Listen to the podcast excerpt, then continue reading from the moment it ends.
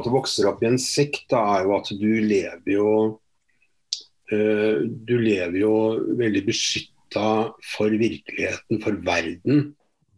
Hvor du er på en måte Det er jo litt sånn nesten som Amish uh, people som lever på en måte i en sånn uh, parallell virkelighet. Jeg forsvarer jo ikke det jeg blir utsatt for som, som barn, men jeg forstår når mennesker går i stykker, eh, eh, hva de er i stand til å gjøre. da. Du hører på Portrettpodden med Mats Lasseangos.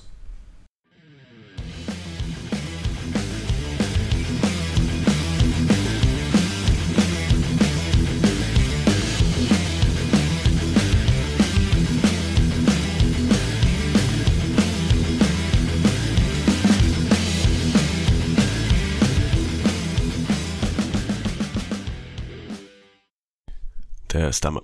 Du hører på en episode av eh, Portrettpodden. En podkast med meg, Mats Lassiangos, hvor jeg intervjuer mennesker som inspirerer meg, som får meg til å tenke, og som hjelper til å forstå mer av verden rundt meg.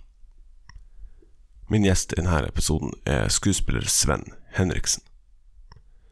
Sven er nok kjent for mange utenom film, scene og TV for sin sylskarpe penn, som har brakt an mange tilhengere, men også en god del motstandere. I løpet av denne episoden prater vi om pride. Hvordan det er å vokse opp som homofil under aids-pandemien. Vi prater også om en voldelig far som var karismatisk leder i Jehovas vitner. Og mye mer. Med det ønsker dere riktig god fornøyelse. Og her er Sven Henriksen. Jeg prøver alltid når jeg intervjuer folk å, å, å finne noe som vi har til felles, for å få en litt, litt, mer sånn, litt lettere eh, start på, eh, på intervjuet. Og jeg ser blant annet, vi har, vi har begge to spilt i Rocky Horror Show. Mm. Det er jo en, eh, en, en ganske merkelig forestilling. Ja, det er det. Er det. Altså, jeg husker jeg så den første gangen på Ja, det må ha vært midt tidlig på 70-tallet. Mm. Uh, med Jahn Teigen, blant annet. Ja, stemmer det. Det var helt fantastisk. Mm. Uh, og så fikk jeg da æren av å spille han gærne Eddie. Ja. Pluss uh, eh, dr. Scott som sitter i rullestol. Mm -hmm. Det var fantastisk gøy, da. Det var jo det. det var, uh, men noe av det mest uh, slitsomme jeg har vært med altså Jeg slutta jo å røyke etter første gjennomgang. Okay. Jeg tenkte enten så må, må jeg slutte å røyke, så dør jeg. Det var flining og koring og springe opp og ned og sklir og opp og ned og synge la-la-la og fort som F, ikke sant. Så jeg takker Rocky for at jeg slutta å røyke. kommer alltid no noe godt ut av Roger har jeg, har jeg opplevd. Det gjør det. Mm. Altså, for, for, altså, for, for, den som, som, eh, som ikke er uh, så innvidd i den verden altså, uh, Eddie er da selvfølgelig den uh, rollen som Meatloaf spilte i originalfilmen. Og i stykket så spilles da Eddie og Dr. Scott av samme, samme skuespiller, fordi du skal se ja. familielikheter. Mm. Um, ja, bare for å ha det praktisk undervei. Um, jeg kunne jo um, begynne litt med, uh, med korona. Uh, det er jo en, en, rød tråd som går gjennom. Du uh, har bl.a. skrevet på Facebook at du har uh, i hermetegn fri til etter sommeren mm. neste år. Um, så, så, så, som, så, den frilanstilværelsen er jo mye som man, man lever fra, fra, jobb til jobb, da, men, men mm. når da mer eller mindre alle jobbene forsvinner over natta. Hvordan, mm. hvordan holder du hodet over vannet? Eh, nei, altså, det er jo en dyd av nødvendighet at, mm. uh, at ting uh, avlyses pga. Uh, at uh, veldig mange arrangementer nå ikke oppfattes som trygt. Mm. jeg er jo i den yrkesgruppen som utøver yrket mitt der folk møtes i små og store rom. Eh, og eh, da er vi mest utsatt eh, sånn for avlysninger, faktisk.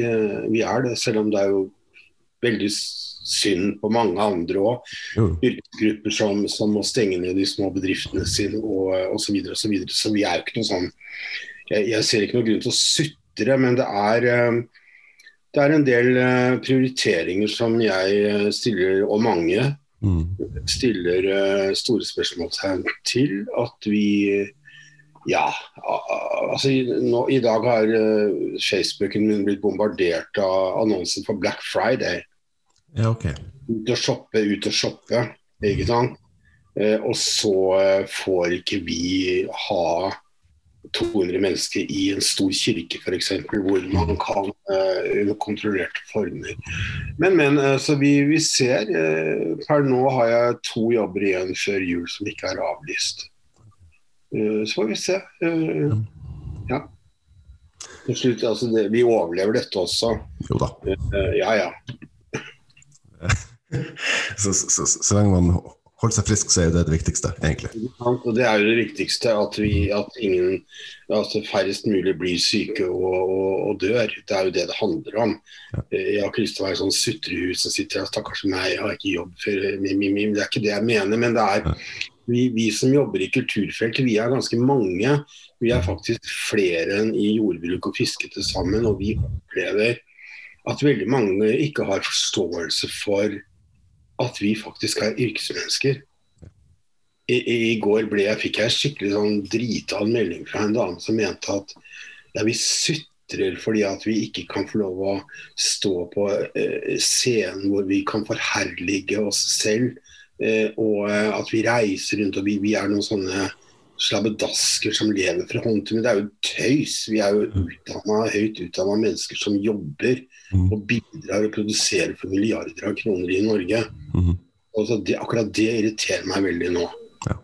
Men ellers så, så forstår man jo at eh, vi Dette er jo ny mark. Det er jo aldri, vi har jo ikke vært utsatt for eh, sånne tilstander som vi er i nå. Pluss at jeg har jo en av de som, som overlevde og gjennomlevde aids-pandemien på 80- og 90-tallet.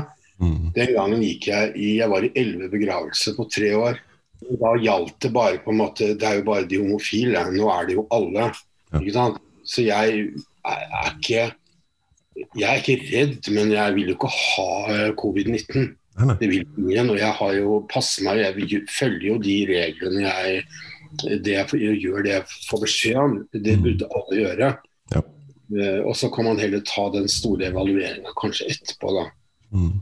Som man må ta. Jo. Hva var nødvendig, hva gjorde vi feil, hva gjorde vi rett. Mm. Mm. Nå eh, jeg s- sånn sett heldig jeg er født i 91, så det, det meste av av, eh, det gikk på det litt over mitt hode før jeg da, i så, voksen alder da, klarte å selvfølgelig har blitt informert om det. Men, uh, uh, så det er vanskelig for meg å forestille hvordan det er å leve gjennom det. Men, uh, men ut fra det jeg har så klart å lese opp, da, så i begynnelsen så er det mye sånn ja, Man tar det kanskje ikke helt alvorlig, for det er- det er et virus som er borte i USA. Så, Ja, men det, er jo, det viruset er eh, fremdeles. Eh, Og det som er forskjellen fra da og nå, er at den gangen så var jo ikke myndighetene på vår side. Folket var ikke på vår side. Eh, og det nå er det jo eh, Nå lyser jo alle lampene, alle jobber jo, hele verden jobber for å finne en vaksine. Det satt så langt inne å eh, gi penger til forskning på aids Mhm. den gangen. Ja. For den var ikke prioritert. Nei.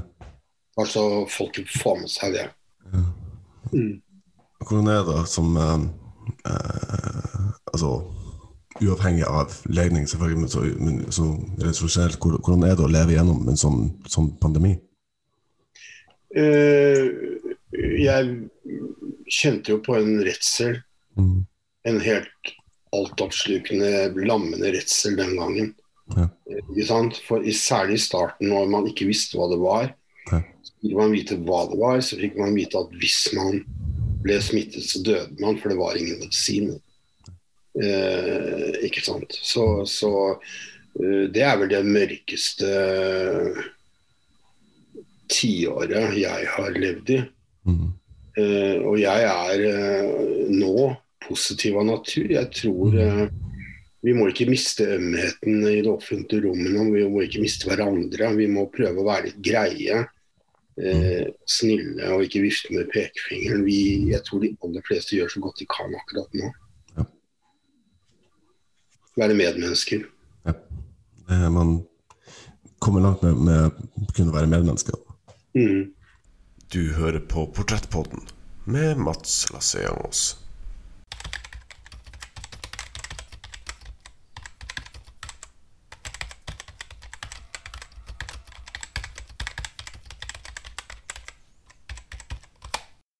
Pride er jo eh, eh, viktig eh, eh, markering eh, hvert år. Det, er ikke, det, det er mye mer enn bare en, bare en parade, bare for å jolle seg litt opp og, og rope hurra. Altså. Det,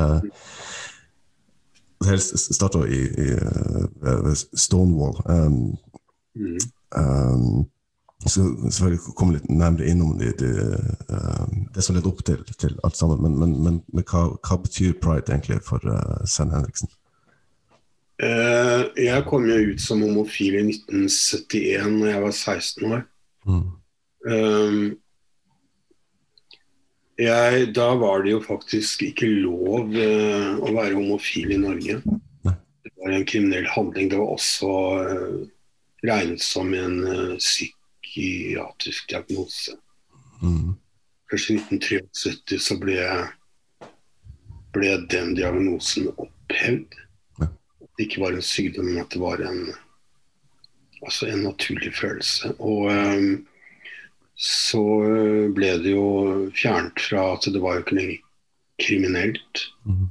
å elske den man vil. Ehm, sakte, men sikkert så, så har jo pride vokst seg til å bli på mange måter et sånt stort uh, altså i gåseøyne troll Mm. som på en måte har blitt like mye alles fest. uh, og det er jo veldig bra. Mm. Uh, første gangen jeg opplevde pride, så var det vel en, kanskje to, altså 20 stykker som gikk på Karl Johan. Mm. Og så har det vokst seg til det det har blitt. Eh, det sterkeste jeg opplevde var Vi var, jeg og mannen min var i eh, faktisk på Manhattan den dagen eh, da Barack Obama innførte loven om same-sex marriage. Og da kom det altså sto vi på Fifth Avenue, og når Pride-paraden kom, helt foran så er det en eh, åpen rosa kabriolet hvor sir Ian McKellen og sir Patrick Stewart sitter i rosa dresser og vinker. Det var sånn kongelige Mm. busser med hvor gamle lesbiske par satt og Da mener jeg sånn, sånn 80-90 år gamle og sånn, sånn We have altså, We are released. Det var, det, altså, det var, og da sto vi bare og, og, og, gråt. For det var så sterkt. Og det som også sier mannen min, det er veldig lite fjør og glitter her.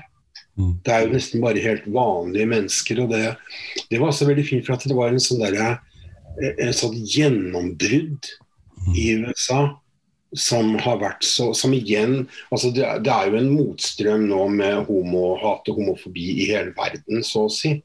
Også i Norge.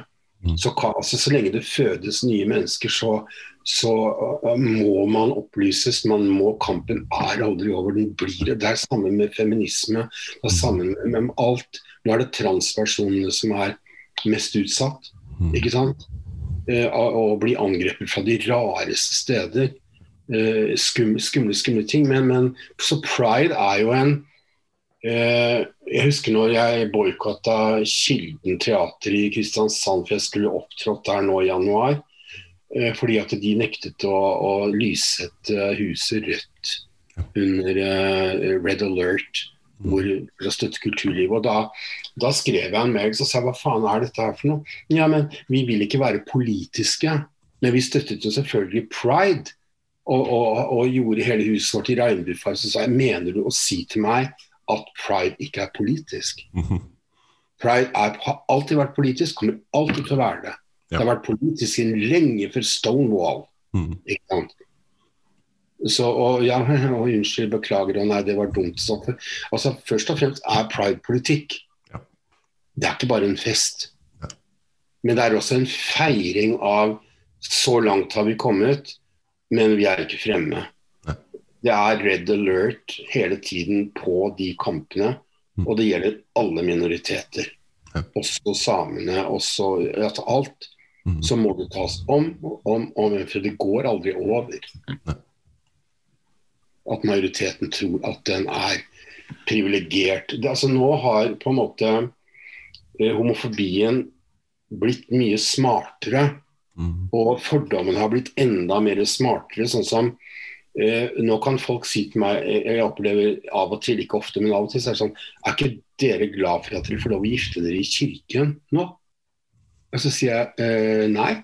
Å gifte meg i kirken er noe av det siste jeg kunne tenke meg å gjøre. Så sier folk at du er litt utakknemlige.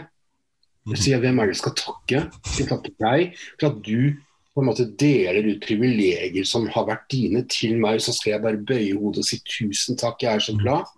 For vi er jo, er jo like forskjellige som, som alle andre. Vi er ikke enige om alt. Eh, Det eneste vi har felles, er at vi, vi ligger med og elsker eh, noen av vårt eget kjønn. Så kan de si også sånn Vet du du er, er så rart med deg, du er liksom ikke sånn vanlig homo. Og så sier jeg hva er det du mener nå?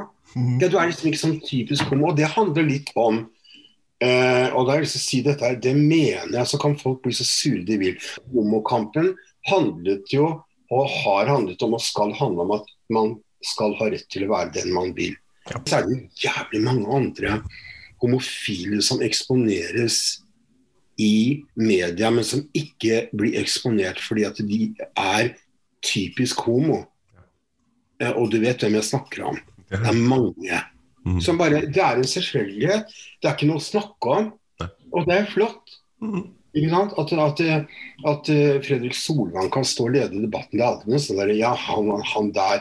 Jeg står her fordi at jeg er homo, se dressen min, liksom.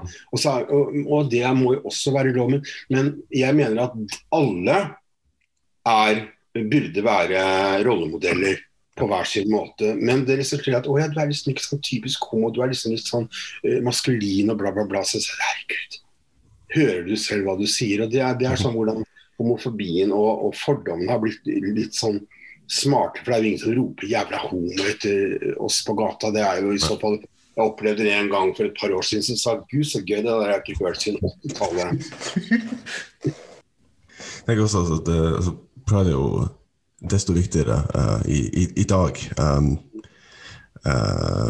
mm, altså når man tenker på homofrie soner i Polen og helt jævlig. ja. Så det, altså, verden har en lang vei å gå, kan man vel konkludere med. Ja, Ja. absolutt.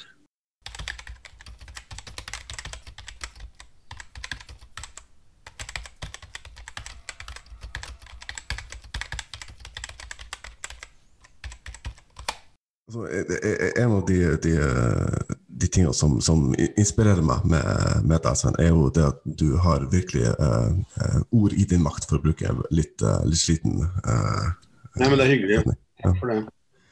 Uh, og altså, første gang, altså, så konkret første gang jeg uh, oppdaga det, var i Sofies verden, Mhm. når, når jeg var, eh, var, var ung. Um, men det- så, så, så nå eh, i senere tid, når jeg er voksen, tenkende menneske, så var det jo eh, først og fremst eh, gjennom, gjennom bloggen din, eh, som jeg nå hører eh, er død. Den er ikke død, men altså, det er jo ingen som leser blogger lenger. Det er jo på en måte, Nå er det podkast. Mm. Jeg er jo med, Nå sitter jeg jo i nok en podkast. Jeg er jo med i podkaster hele tiden. Uh, som, og det er veldig hyggelig. Jeg er jo en sånn talking head. Eh, og syns jeg liker å prate. Og, og er lett, lettprata, som de sier nordpå. på Men blogg, det er eh, Jeg blogger ikke lenger. Jeg gjør ikke det. Jeg skriver heller kronikker i avisene hvis jeg har noe Og så sitter jeg og snakker med deg nå, og så ytrer jeg meg på, eh, på Facebook. Det er jo selvfølgelig noen som mener at jeg er altfor mye på Facebook. Det får jeg kjeft for hele tiden. At jeg er for sinna, at jeg er for uh, privat, at jeg er alt altså, er, eh, alle, alle elsker å fortelle meg hvordan jeg er, og hvordan jeg ikke bør være, og hvordan jeg skal være. Og jeg gir fullstendig faen i absolutt alt det der. Jeg, jeg mener det jeg mener, og så kan folk Jeg sier hvis du ikke orker meg, så er det bare å la være å, å følge meg. Dessverre. Jeg gjør det med folk jeg ikke som du ser, men blir sånn sliten av. Mm. Tenker jeg nei, vet du, jeg, jeg må bare ha en pause fra Så bare er det bare å Det fins knapper for sånt. Ja. Ja, og så er det noen mennesker som på en måte er plagsomme. Og Da kan jeg bare be dem ryke rause. Eller så er det noen som slutter, seg, slutter meg som venn, og det er jo som Bitt Midler sier, it's just like the, as the, the trash takes itself out. ja. Så at søpla bærer seg selv ut. Ja, men det er bra. Altså, det er jo, vi er, sosiale medier er jo eh, en prøvelse, ikke sant. Det er jo noe med eh, Jeg vet ikke hva det er med sosiale medier. Jeg liker å være på sosiale medier, men det er blir litt sånn forundra over at hvis du sier at eh, Hvis du bare skriver helt uskyldig at eh, det regner i Bergen nå, Mhm. så er det med en gang Det regner mye mer i Ålesund. Nei, det Tromsø snør, det. Det, er som, det, det du kan liksom ikke Du kan liksom ikke få lov å stå med en mening at du, det er, jeg har det verre enn deg. Uh, og det er en sånn syndrom, jeg vet ikke hvor det kommer fra. Uh, men men det, er, det er det mest Det kan irritere meg veldig. Jeg tenker også det, det, um, altså det den, den dørstokken for å, for å um, kommentere eller ytre seg er kanskje lettere på sosiale medier enn hvis jeg hadde truffet deg i gata. Mhm. Um, så tenk altså, altså det, altså det, det du ytrer, når jo ut til, til, til veldig mange, uh, og så hovedsakelig positivt, uh, har jeg fått, fått inntrykk av i hvert fall. Um, Ja. Men det, det er jo ikke bare uh, positivt du får, har jeg, har jeg forstått. Nei, men altså, jeg er vel kanskje ikke alltid klar over hvor mange mennesker jeg når ut til. Ikke sant? Og, jeg, og, og så folk sier til meg at du må noen ganger så du må passe litt på hva du skriver. Husk på at du har stor påvirkningskraft, og det tenker ikke jeg. Jeg, jeg tenker at jeg er bare meg. Det er kanskje noen få som leser dette. Men så oppdager jeg at det er jo veldig mange som er av en eller annen grunn veldig opptatt av hva jeg mener. Mhm. Og det må jeg forholde meg til. Og, og jeg har altså Det er akkurat som med bloggingen. Når jeg begynte å blogge for eh, 15 år siden, mm. så var jeg veldig eh, hva skal jeg si, venstrevridd i hele argumentasjonen min og ståstedet. Og det var veldig vinkla sånn derre eh, med at jeg har jo rett. Men i løpet av liksom alle de årene, da og eh, det, altså, det, Så mye blogging er jo veldig skrivetrening. Og så får du motstand, og så må du tenke. Så jeg, Det tok jo noen år, men så oppdaget jeg plutselig det er jo faktisk spor av intelligent liv på høyresida også. Jo, og så har jeg tatt det innover meg. Jeg har, kan ta et eksempel som jeg opplevde nå her om dagen. Når Aftenposten hadde da en stor sånn koronakrigstype på forsida. Mm. Innvandrersmitten skremmer folk i Oslo eller noe sånt. Mm. tenkte jeg, Innvandrersmitten, for en jævlig stygg ting og, og stigmatiserende. Mm. Og, og da går jo hundefløyta hos meg. Ja. Og så må du skrive til det, det var øh, Aftenposten, fy, fy, fy, fy. Og så går jo hundefløyta på høyresida også. Ja. Og jeg nå kommer venstresida og reagerer med ryggmergen, og nå gikk hundefløyta fy, fy. Men så tenker jeg, men hundefløyta går jo begge steder samtidig. Ja. For at eh, du kan ta deg faen på at hvis du slår ned på noe i avisen som jeg oppfatter som rasistisk, så kommer det noen fra den andre leiren og forteller deg at nå må du ikke se rasisme overalt. Dette er ikke det, så må du lese innhold, nå må du sånn og sånn og sånn. Fy, fy, fy. Ikke bare reagere med ryggraden sånn eh, helt sånn refleksivt. Ikke sant? Og det gjør de òg. Ja. Ikke sant? Så, så det er noe med at vi eh, det, det lønner seg å tenke litt først. Og selvfølgelig så i den artikkelen altså, så var jo ikke den beskyldningen for alt det der som heft, men overskriften den forandret jo Aftenposten Ja. etterpå. Mm. For de fikk eh, så mye kjeft. Så det lønner seg jo det, altså, det, jo det nytter jo å si ifra. Det nytter å argumentere. Ikke sant? Mm. Og så er- Pressen er veldig en sånn eh, pressen, altså de som skriver i avisen, altså journalister er jo også bare mennesker som er styrt av følelser Ja. eh, ofte. Og kan ta sine avveininger og, og konklusjoner ut ifra ståsted. Mm. Og intelligens og evne til å tolke eh, tida vi lever i. ikke sant? Og vi ser jo ting helt forskjellig Ja. ofte. Og det jeg lærte, det jeg har mest lært av noen gang Jeg husker en gang jeg, at jeg satt og hadde en lang tirade om Listhaug, Sylvi Listhaug. Mhm. Så er det et menneske som sier til meg at når hun sier det sånn Jeg hører ikke det du hører, jeg. Ok. Og så tenkte jeg what? Ja men, ja, men du har jo bestemt deg for at alt hun sier er fullstendig idioti. Men hvis du kan høre og så, selvfølgelig, Jeg mener fremdeles at meste av det hun står for er helt crazy. Men allikevel så hvis Det er noe med at jeg har lært meg da i 15 år for å konkludere, er at når noen jeg er totalt uenig med, har et poeng, så skal de ha kred for det. Ja. Det har jeg lært. Mm. Og det, det var en nyttig lærdom. Mm.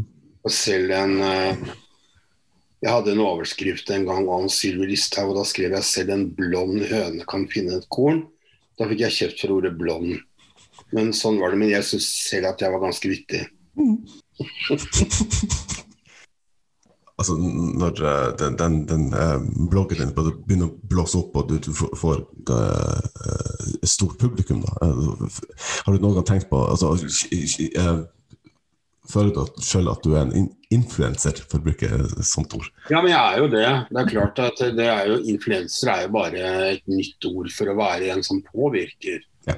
Klart at jeg påvirker. Det, altså det fineste folk sier til meg Jeg blir stoppa veldig ofte, nesten hver dag, av helt vilt fremmede mennesker Mm. overalt i Norge.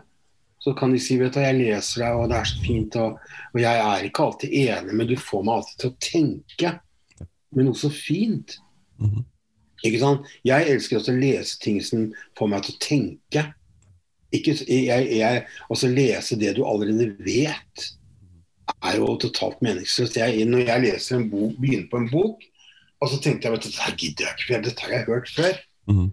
Eh, altså Hvis ikke, noe, for at, eh, hvis ikke du kan åpne opp for erkjennelse, en ny erkjennelse Det er samme teater òg. Jeg kan se, se teater. Jeg, jeg har jobba med teater i snart 50 år, men jeg er ikke så veldig glad i teater, for stort sett så syns jeg det er dritkjedelig å se på. Men når teatret åpner opp hodet på deg, og det blir sånn wow eh, Og det kan være plutselig en versjon av Hedda Gabler. Ja. At du skjønner noe som du Du tas inn i et rom eh, hvor du bare plutselig du tenker wow. Eh, og når jeg reiser rundt med den der Hold kjeft Henriksen-forestillingen min, da fikk jeg brev fra folk som eh, Et brev jeg aldri glemmer. Det var sånn Jeg hadde tenkt å ta livet av meg, men så kom jeg og så deg den kvelden, og så bestemte jeg meg for å leve. Vet du, Det går ikke an nå. Og da tenker jeg, men da, da betyr det du gjør, noe. Eh, og, og at du, da, da er man en påvirker, en Mm. influenser som kan For at kunsten på sitt beste skal jo eh, løfte folk. Ja. Ikke nødvendigvis underholde, men den skal ha Det, det er helt greit å underholde òg. Jeg gjør det ofte. Jeg har jo vært eh, komiker det, det, det. Men, men liksom, som Ingmar Bergman sa, sa at kunsten, teatret, skal ikke speile virkeligheten, det skal kle av virkeligheten. Ikke sant? Og gjøre den forståelig og til å holde ut. Mhm. Og Det er det jeg tenker at Jeg skriver jo ofte veldig kritisk, eh, og jeg bor i Mo i Rana. Det er en by som Det er noen som sier at du skal alltid snakke eh, dritt om Mo i Rana. Og så er det noen de som skjønner hva jeg skriver. Han snakker ikke ned, han snakker byen opp. Ja. Han vil jo at det skal bli bedre. Ikke sant? Og det er jo det der, man, man, man må jo være med å forandre ting og skyve ting du Si at det er slutt med det der. Vi må, kan vi ikke prøve å, å, å løfte ting? Åpne vinduer, slippe inn litt frisk luft. Og se at det er noe der borte som vi kanskje kan ta inn hit, og så skal vi se hvordan det går ned. Det er ikke sånn vi pleier å gjøre det. Nei, jeg er ikke så sikker på det. Mm. At jeg syns vi skal være litt åpne. Og det er ikke bare Mo i Rana, det er mange, mange, mange Mm. Du vet hva jeg snakker om. Du hører på Portrettpodden med Mats Lasseangos.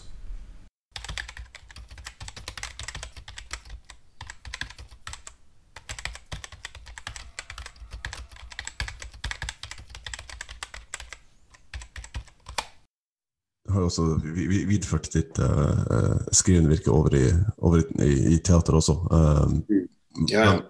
Blant, blant, annet med, med um, Hold kjeft da, Henriksen, som da selvfølgelig var en tittel, ikke en beordring.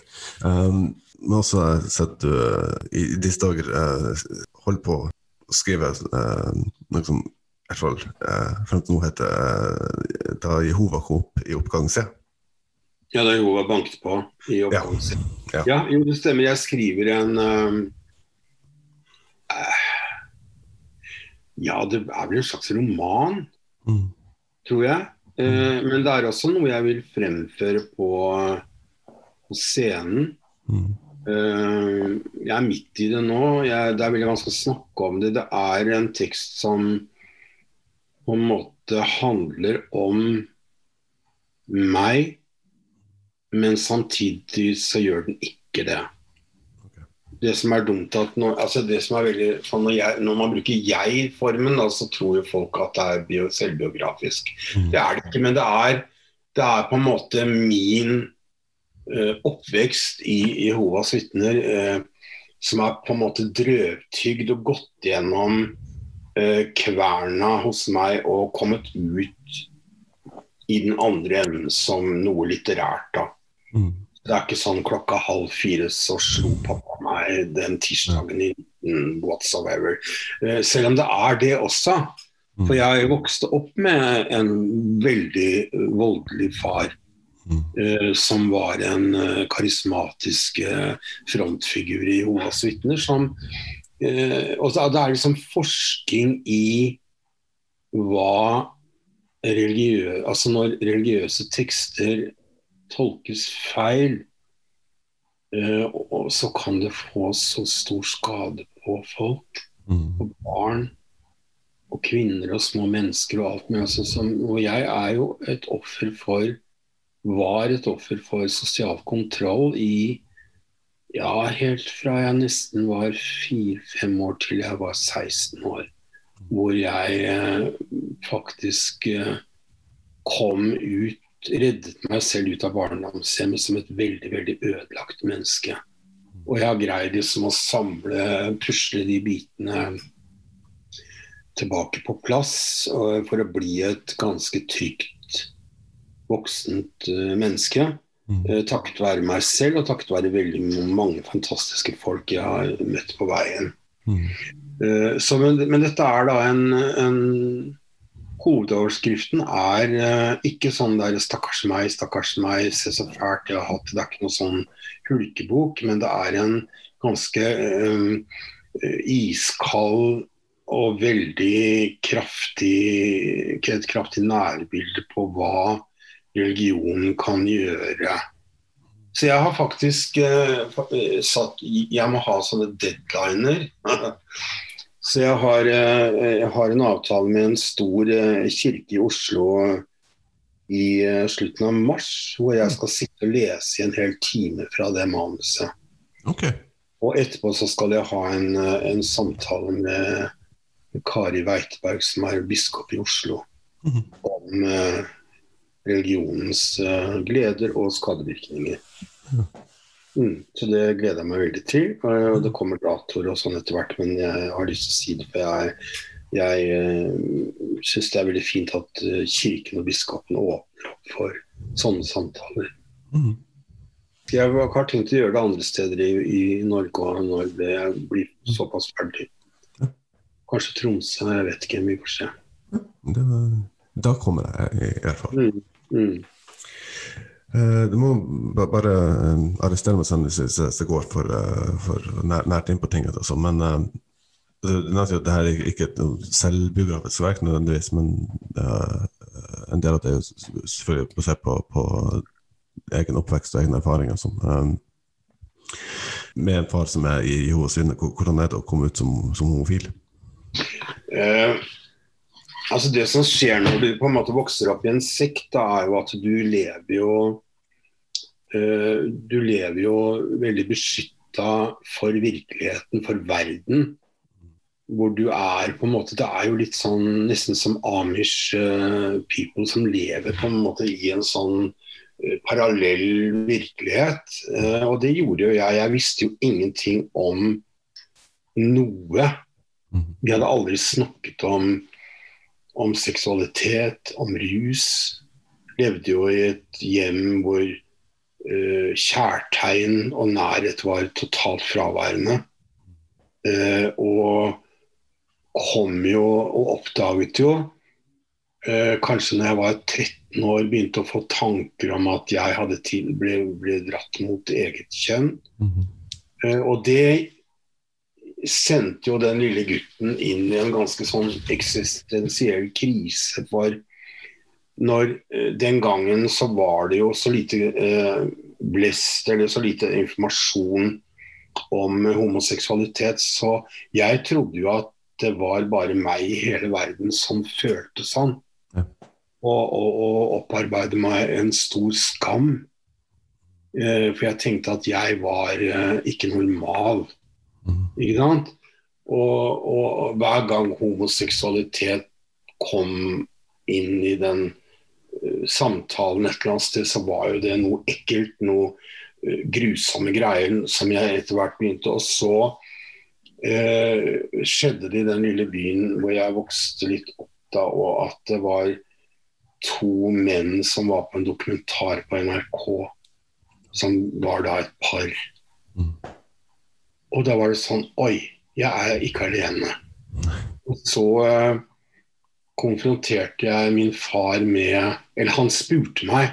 Mm. Han spurte meg rett før jeg fylte 16 år Er det sånn at du kanskje ikke liker eh, kvinner. Og så sa jeg at eh, ja, jeg tror nok at jeg ikke gjør det. Jeg, jeg, jeg vet Men ja. mhm. Og så sier han men det fins måter å bli kvitt sånne følelser på som vi kan hjelpe deg med. Eh, og da, er vi jo inne på homoterapi allerede den gangen. eh, hvor du blir eh, Og da ville jo altså Jehovas vitner i Brooklyn, New York, de driver, drev jo med altså sånn renselsesgreier for, å, for å, å bli kvitt sånne tanker. Dette vet vi jo i ettertid. Men da eh, Og nå skal ikke jeg sitte og tolke meg selv som 16 år, men jeg tror at jeg helt instinktivt, og dette vet jeg ikke, jeg sier jeg tror at jeg været fare. Mhm. At jeg tenkte at jeg må komme meg vekk. Eh, Så det kulminerte med et voldsomt basketak eh, mellom min far og meg, som hadde mishandlet meg fysisk og psykisk i en tiårsperiode. At jeg gikk til angrep på han, og det endte med dunder og brak. Og jeg gikk ut av huset, og eh, jeg så han vel bare én eneste gang før han døde 80 år gammel. Mange, mange, mange år senere. Eh, så det var eh, Og når, da kommer du ut i verden som en, en vettskremt uh, fugleunge som ikke visste noe om Så eh, jeg tenker jo at det er jo et under at det gikk bra. Men så eh, en, av- en ting som jeg, pappa sa til meg, eh, som jeg tror hjalp, han sa du har et veldig godt hode, du er veldig smart. Det må du aldri slutte med. For Jeg satte han veldig fast i, i diskusjoner allerede før jeg fylte 16 år om logikken i byggverket i Jehovas vitners tro. da. Og sa han dette er ikke logisk, bare hvorfor? Og han kunne ikke svare. Og Da så jeg på han innerst inne at han ble litt imponert. Mm. Uh, og det, og, og, men som det som jeg skriver nå om dette her, da, så husker jeg Jeg husker også så mye fine ting. Mm. Ikke sant? For det er jo ikke svart-hvitt. Eh, og jeg, jeg husker at pappa var jo eh, Han er jo død nå, og han kan ikke forsvare seg, men jeg har lyst til å si også at han kom fra en sjøsamisk bygd, eh, som du sikkert vet hvor det er, eh, fjellbygda i Mortenhals i Malangen. Og var eh, altså en av disse her som de kalte for, for finnpakke, slogfinner, og de var jo de laveste av de lave. Han, han kom jo også inn i livet med skam Mm. eh, og fornekting. Og, og han var jo også Altså samene, altså sjøsamene, kystfolket, ble jo på en måte fjerna av myndighetene med et pennestrøk. Og mistet jo hele, hele sin identitet. Og jeg husker pappa han, han var jo gal av hat mot det samiske, men på dødsleiet så sa han jo til søsteren min at eh, ja, dere maser om dette samiske, og vi, det er jo det vi er. Men jeg ville bare være norsk. Så han kledde seg ut som nordmenn og slapp unna med det. Selv om mamma sa at han kan se deg i speilet, Johannes. Du kan ikke bortforklare for at han var jo Altså, du ser jo hvordan du ser ut. Mm. så, eh, men, men så jeg har fått en sånn derre Jeg forsvarer jo ikke det jeg blir utsatt for som, som barn, men jeg forstår når mennesker går i stykker, eh, eh, hva de er i stand til å gjøre. Da. Og, hva, og jeg har jo også hatt som en sånn mantra hele livet ikke bli som far, ikke bli som far, ikke bli som far. Og jeg merker også at jeg kan ha et raseri i meg, at jeg har et hat i meg. Jeg kan ha jeg kan bli Men så tenker jeg nei, nei, nei, nei. nei, nei, nei, nei, nei, nei. Eh, eh, og jeg har for eksempel aldri slått et menneske. Det tror jeg ikke jeg hadde kunne greid å se meg i speilet etterpå. Så jeg har jo ikke tatt Men jeg merker at jeg har et mørke i meg, liksom. Som jeg tror jeg har arvet. Og det mørket, det eh, Altså, det er noen rom jeg har valgt å ikke gå inn i. Mm. Fordi jeg skal ikke inn dit. Nei. Og det tror jeg veldig mange andre har òg. At Mm. de har eh, rom som eh, man skal være, la være avlåst. Mm. Og så skal man legge nøkkelen på et sted hvor man ikke finner den. Eh, Jeg tror det er, og jeg har også en stor angst i meg, og jeg har masse sånne ting. Men jeg mm, Jeg er ikke sånn la-la-la glad hele tida, det er jeg ikke. Men jeg er ikke, jeg er ikke deprimert. Jeg er eh, eh, Jeg tror på action. Jeg tror at man må stå på, man må gjøre jobben når man er her. Uh, Men det har vært en lang vei til å forstå det. Jeg har ligget nede for full telling flere ganger, men det er eh, ganske lenge siden. Mm. Mm. Har du altså, skal selvfølgelig ikke eh, forsvare det, det, det som har skjedd, og eh, din far er heller ikke her, kan heller ikke forsvare seg, men så har du har du tilgitt ham for, for det som skjedde? Jeg tilgi ja, Det jeg snakket om når jeg var i salongen på P2, Mm. Da snakket vi om tilgivelse. Og jeg er eh, Jeg er ikke et menneske som tror på tilgivelse.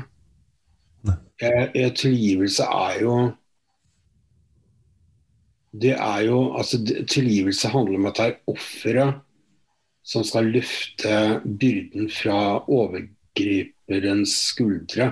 Mm. Um, jeg går ikke og tenker på det.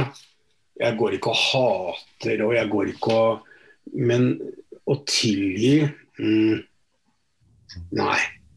Jeg er ikke der. Altså, mamma ringte meg eh, et par år før hun døde, og hun liksom ba om tilgivelse for at hun ikke hadde tatt med oss barna og, og, og rømt vekk. Eh, Så sa jeg til henne, og det høres veldig fælt ut, men jeg tenker aldri på deg, mamma. Jeg, eh, du er en fremmed. Jeg har ikke sett deg på 40 år. Uh, og jeg tilgir. Hva skal jeg tilgi? Uh, men så sier hun hvor skulle jeg gå? Og jeg hadde ingen penger, ingen jobb, ingen utdannelse. Uh, syv barn. Så sa hun jeg forstår det. Og, og jeg, jeg, men jeg jeg vil ikke møte deg, jeg vil ikke se deg, jeg vil ikke snakke med deg. For at det, du gjorde det du gjorde. Og jeg Så kan, er det noen som har sagt at jeg er et ondt menneske som ikke tilgir min egen mor. Eh, det må de bare mene, men det er også min beslutning at jeg jeg eh, mens, mens jeg går ikke rundt og hater, men jeg, jeg, jeg har andre mennesker jeg har lyst til å bruke energi på. Sånn er det.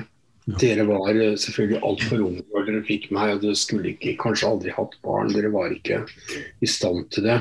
Mm. Og det er det veldig mange som Så Min historie er jo ikke unik på noen måte. Eh, og jeg syns ikke man skal tilgi hverandre for absolutt alt. Akkurat det mine foreldre gjorde til meg, kastet meg ut, eh, og jeg var bare et barn. Jeg kunne ha dødd. Men det, er- det syns jeg ikke man skal tilgi. Så kan, jeg, kan folk kalle meg hard og alt det der, men jeg Eh, jeg mener at min far har tatt fra meg kanskje 20-25 år av livet mitt. Sånn er det. Og det står jeg for. Det har jeg full forståelse for. Men det har gitt meg en sånn radar at jeg ser Jeg ser veldig fort unge mennesker som ikke har det bra. Og så sant det passer seg og jeg kan, så tar jeg affære. For det, mener jeg at det er en slags plikt. Å blande seg. Folk blander seg altfor lite. Altfor redd for konsekvenser. Ja, så er det nå hvis folk spør meg hvordan jeg har det, så svarer jeg Mhm. på en ordentlig måte. Og, hvis, og jeg spør aldri folk hvordan har det hvis ikke jeg har lyst til å høre hvordan vi har det. Rett og slett. Selv om, ja. Vi skal eh, begynne å, begynne å uh, runde av her snart, men, uh, jeg, jeg tenker på det, eh, den oppveksten du har hatt, og det, det som utvilsomt har, har um, forma deg. Da blir det, det høres kanskje, altså, Ut av kontekst høres det kanskje litt rart ut å spørre, men, men hva betydde lille Eyolf for deg? Ja, nei, det var vel noe av det rareste. Eh, vi skulle egentlig gjøre gjengangere, Mm. eh, hvor jeg skulle ha med samme regissør, og jeg skulle spille da Snekker Engstrand. Mm. Eh, som jeg var veldig glad for. Det er en veldig fin rolle. Mhm. Og så viser det seg at Riksteatret også skulle gjøre gjengangere, og da ble det to gjengangere som skulle turnere i Nord-Norge samtidig, og det gikk ikke. Så da eh, ble det, fikk jeg beskjed fra teatersjefen at vi skal, det skal bli Lille Eyolf isteden. Uh, og så tenkte jeg ok, men da, da skal ikke jeg være med på den produksjonen, for da er det ikke noen rolle jeg passer til. Eh, og så sier regissøren jo, du skal være Lille Eyolf på eh, åtte år. Som er da en, et barn som har eh, Han halter, og han har en hjerneskade. Mhm. Og så tenkte jeg OK. Hm. Og så tenkte jeg at eh, jeg har jo vært åtte år. Jeg husker hvordan det var. Um, og så husker jeg hvordan det var å ikke bli elsket. Når du er et barn. Jeg husker hvor redd jeg var som barn. Og jeg husker alt det jeg gjorde for å, for å bli sett. Så da fikk jeg altså jeg, jeg er en sånn skuespiller som får en sånn grunnfølelse med en gang jeg får en rolle. Og så holder jeg på den. Og jeg tenkte han Jeg på en måte jeg skrella vekk alt jeg vet som voksen. Mhm. Og tenkte nå skal jeg ramme denne, dette barnet inn i den lille firkanten som det lille livet er. Og forholde meg til det og ikke noe annet. Jeg vil Jeg elsker pappa overalt på jorden. Han ser meg ikke. Jeg elsker ikke mamma, for hun liker jeg ikke. For hun elsker ikke meg, og jeg ser det. Og jeg ser at pappa er redd. Jeg er redd. Jeg vil bare Jeg vil bare bli elsket av pappa. Uh, og så begynte vi prøvene, og så fikk jeg en matrosdress og to turnsko. Og en håv som jeg skulle fange sommerfugler med. Og så gikk jeg inn på scenen, og så ble det helt stille. Vi kjørte gjennom en lang scene, og så ble det helt stille. Og så sa jeg, hva er det? Hva er det for noe? Og så sier en eller annen nede i salen at uh, dette var helt skremmende, for liksom Sven Henriksen var borte. Så um, det er vel uh, noe av det mest uh, hjerteskjærende jeg har vært med på på en scene noen gang. Det var en, en, en opplevelse. Det kom, så, det kom, så, lett. Det var så kort vei inn til alt uh, når jeg gjorde han. Du har hørt på en episode av eh, Portrettpodden med meg, Mats Lassiangos, og min gjest i denne episoden var skuespiller Sven Henriksen. Har du gjort noen tanker mens du har hørt denne episoden? Har du ris eller ros eller tips du ønsker å komme med, så kan du rette det til Portrettpodden sine Facebook-sider. Portrettpodden arbeider i henhold til Vær varsom-plakaten. Takk for at nettopp du hørte på, og vi høres snart igjen.